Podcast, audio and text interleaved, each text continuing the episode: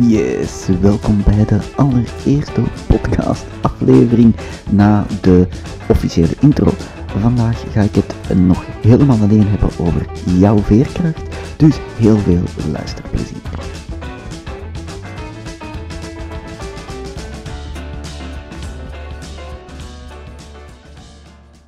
Wanneer je je dag overloopt, zal je merken dat deze gevuld zit met leuke en minder leuke momenten. We leren leven met deze ups en downs en geven er soms nauwelijks betekenis aan. Toch is het verstandig om hier even bij stil te staan, want onze dagdagelijkse uitdagingen vreten aan onze veerkracht.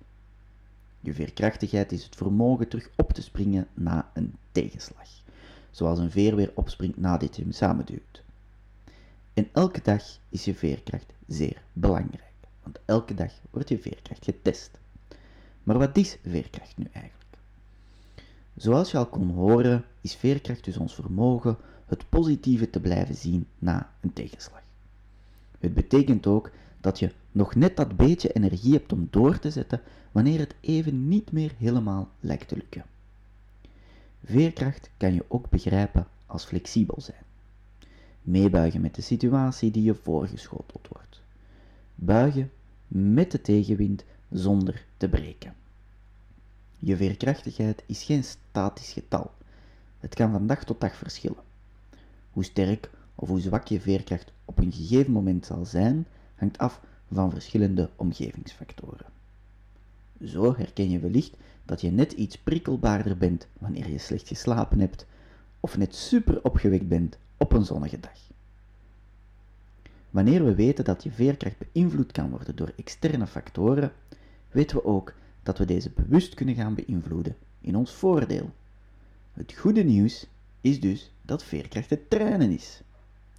Maar hoe merk ik nu dat mijn, mijn veerkracht verzwakt is? Je veerkracht is geen constante, onuitputtelijke bron van energie. Elke tegenslag waar je mee te maken krijgt, zal een stukje van je weerbaarheid vragen. Krijg je te veel tegenslagen te verwerken op korte tijd of blijft de duurtijd van je ervaren stress lopen, dan loop je risico om zonder veerkracht te vallen. Wanneer je zonder weerbaarheid dreigt te vallen, zal je merken dat sommige tegenslagen een veel zwaardere impact op je hebben dan ze vroeger hadden. Je ervaart sneller stress en vermoeidheid weegt zwaarder door. Wanneer je deze dingen op een rij zet, herken je vast een aantal van deze zaken als de beginselen van een depressie. Het is dan ook zeer belangrijk te waken over je veerkracht. Gelukkig ontdekten we al dat onze veerkracht te trainen valt. We hebben het dus een beetje zelf in de hand als we het bewust willen. Zoals bij vele zaken is dus ook bewustwording de eerste stap. Je veerkracht gaat hand in hand met je vermogen om met stress om te gaan. Hoe goed ga jij om met je stress? Herken je wanneer je stress hebt? Pak je dan de stressor aan of negeer je hem liever? Praat je wel eens over je stress? Zie je nog mogelijkheden of ben je enkel overladen door het negatieve? Hoe uit jij je stress als het jou echt te veel wordt? En blijf je denken dat op het einde van de rit alles wel goed zal komen. Hoe je omgaat met een stressvolle situatie noemen we ook wel een copingstrategie. De copingstrategie wordt geleend uit het Engels to cope with, omgaan met.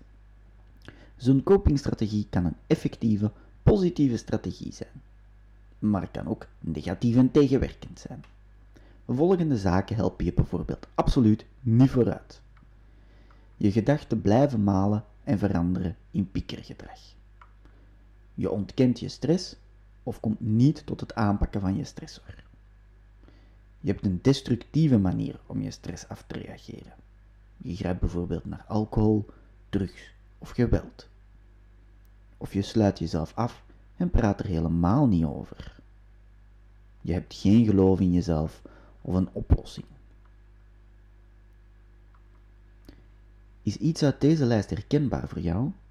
Dan kan dit een moment van bewustwording zijn voor je. Dan kan je ermee aan de slag gaan. Het eenvoudige aan dit systeem is dat het je juist het tegenovergestelde moet doen van wat niet werkt. We gaan opnieuw door het rijtje. Dus je blijft niet eeuwig denken, maar je neemt een concrete actie. Niet enkel denken, maar ook effectief anders doen. Je erkent de stress die er is en je pakt de stressor aan. We lopen niet weg. Je zoekt een effectieve manier om je stress af te reageren. Je praat erover, gaat sporten, doet aan meditatie of iets anders waar je je stress mee loslaat dat bijdraagt aan je dagelijks leven. Op een positieve manier dan wel. Je stelt jezelf open en je praat met anderen over jouw stress, over hun stress. Het is bespreekbaar. En je gelooft dat er op het einde, op het einde geen stress meer is. En dat ook je stress iets eindig is dat ooit verdwijnt. En dat geeft jou de kracht om verder te gaan. Maar soms krijgen we stress door dingen die buiten onze macht liggen. Heel gemakkelijk. Maar het ligt niet rap aan uzelf. Het ligt eigenlijk vooral aan de boze buitenwereld. Helaas worden we soms betrokken bij stresssituaties waarvan de oorsprong buiten onze macht ligt. Denk hierbij bijvoorbeeld aan ziekte of het verlies van een dierbare. De valkuil om jezelf dan hulpeloos te voelen is bijzonder groot. Maar ook hier kan je echt de verantwoordelijkheid in eigen handen nemen. Waar we tot hiertoe over spraken, heet probleemgerichte coping. Bij dit soort coping, of omgaan met, ga je iets doen om een probleem op te lossen. Wanneer het oplossen van het probleem buiten je macht ligt, is het tijd voor emotiegerichte coping. Bij dit soort coping gaan we onze focus leggen op onze emotie en het accepteren van wat er gebeurt, om zo ons aanpassingsvermogen naar wat gaat komen scherp te stellen. Soms is dus helemaal niets doen en accepteren wat er is het beste dat je kan doen om rust te vinden. Je bent daar ook helemaal niet alleen in. Denk je dat anderen het altijd en overal alles zien zitten? En denk jij dat jij de enige bent die het soms even allemaal niet meer ziet zitten? Dat is perfect normaal. Want we zijn als mens een sociaal dier. En we hebben elkaar nodig om voor elkaar te zorgen. Dus durf de stap te zetten om te praten met je vrienden of familie wanneer dat het jou niet meezit.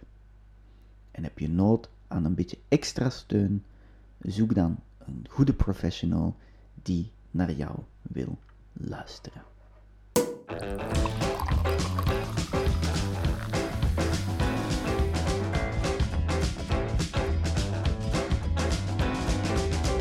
Voilà, de allereerste aflevering zit erop. Hopelijk heb je ervan genoten. Denk je nu, hey, met deze guy wil ik wel eens een babbeltje doen over wat mij interesseert? Top, surf naar www.deregie.com, klik door op meedoen, laat je gegevens achter en tot binnenkort.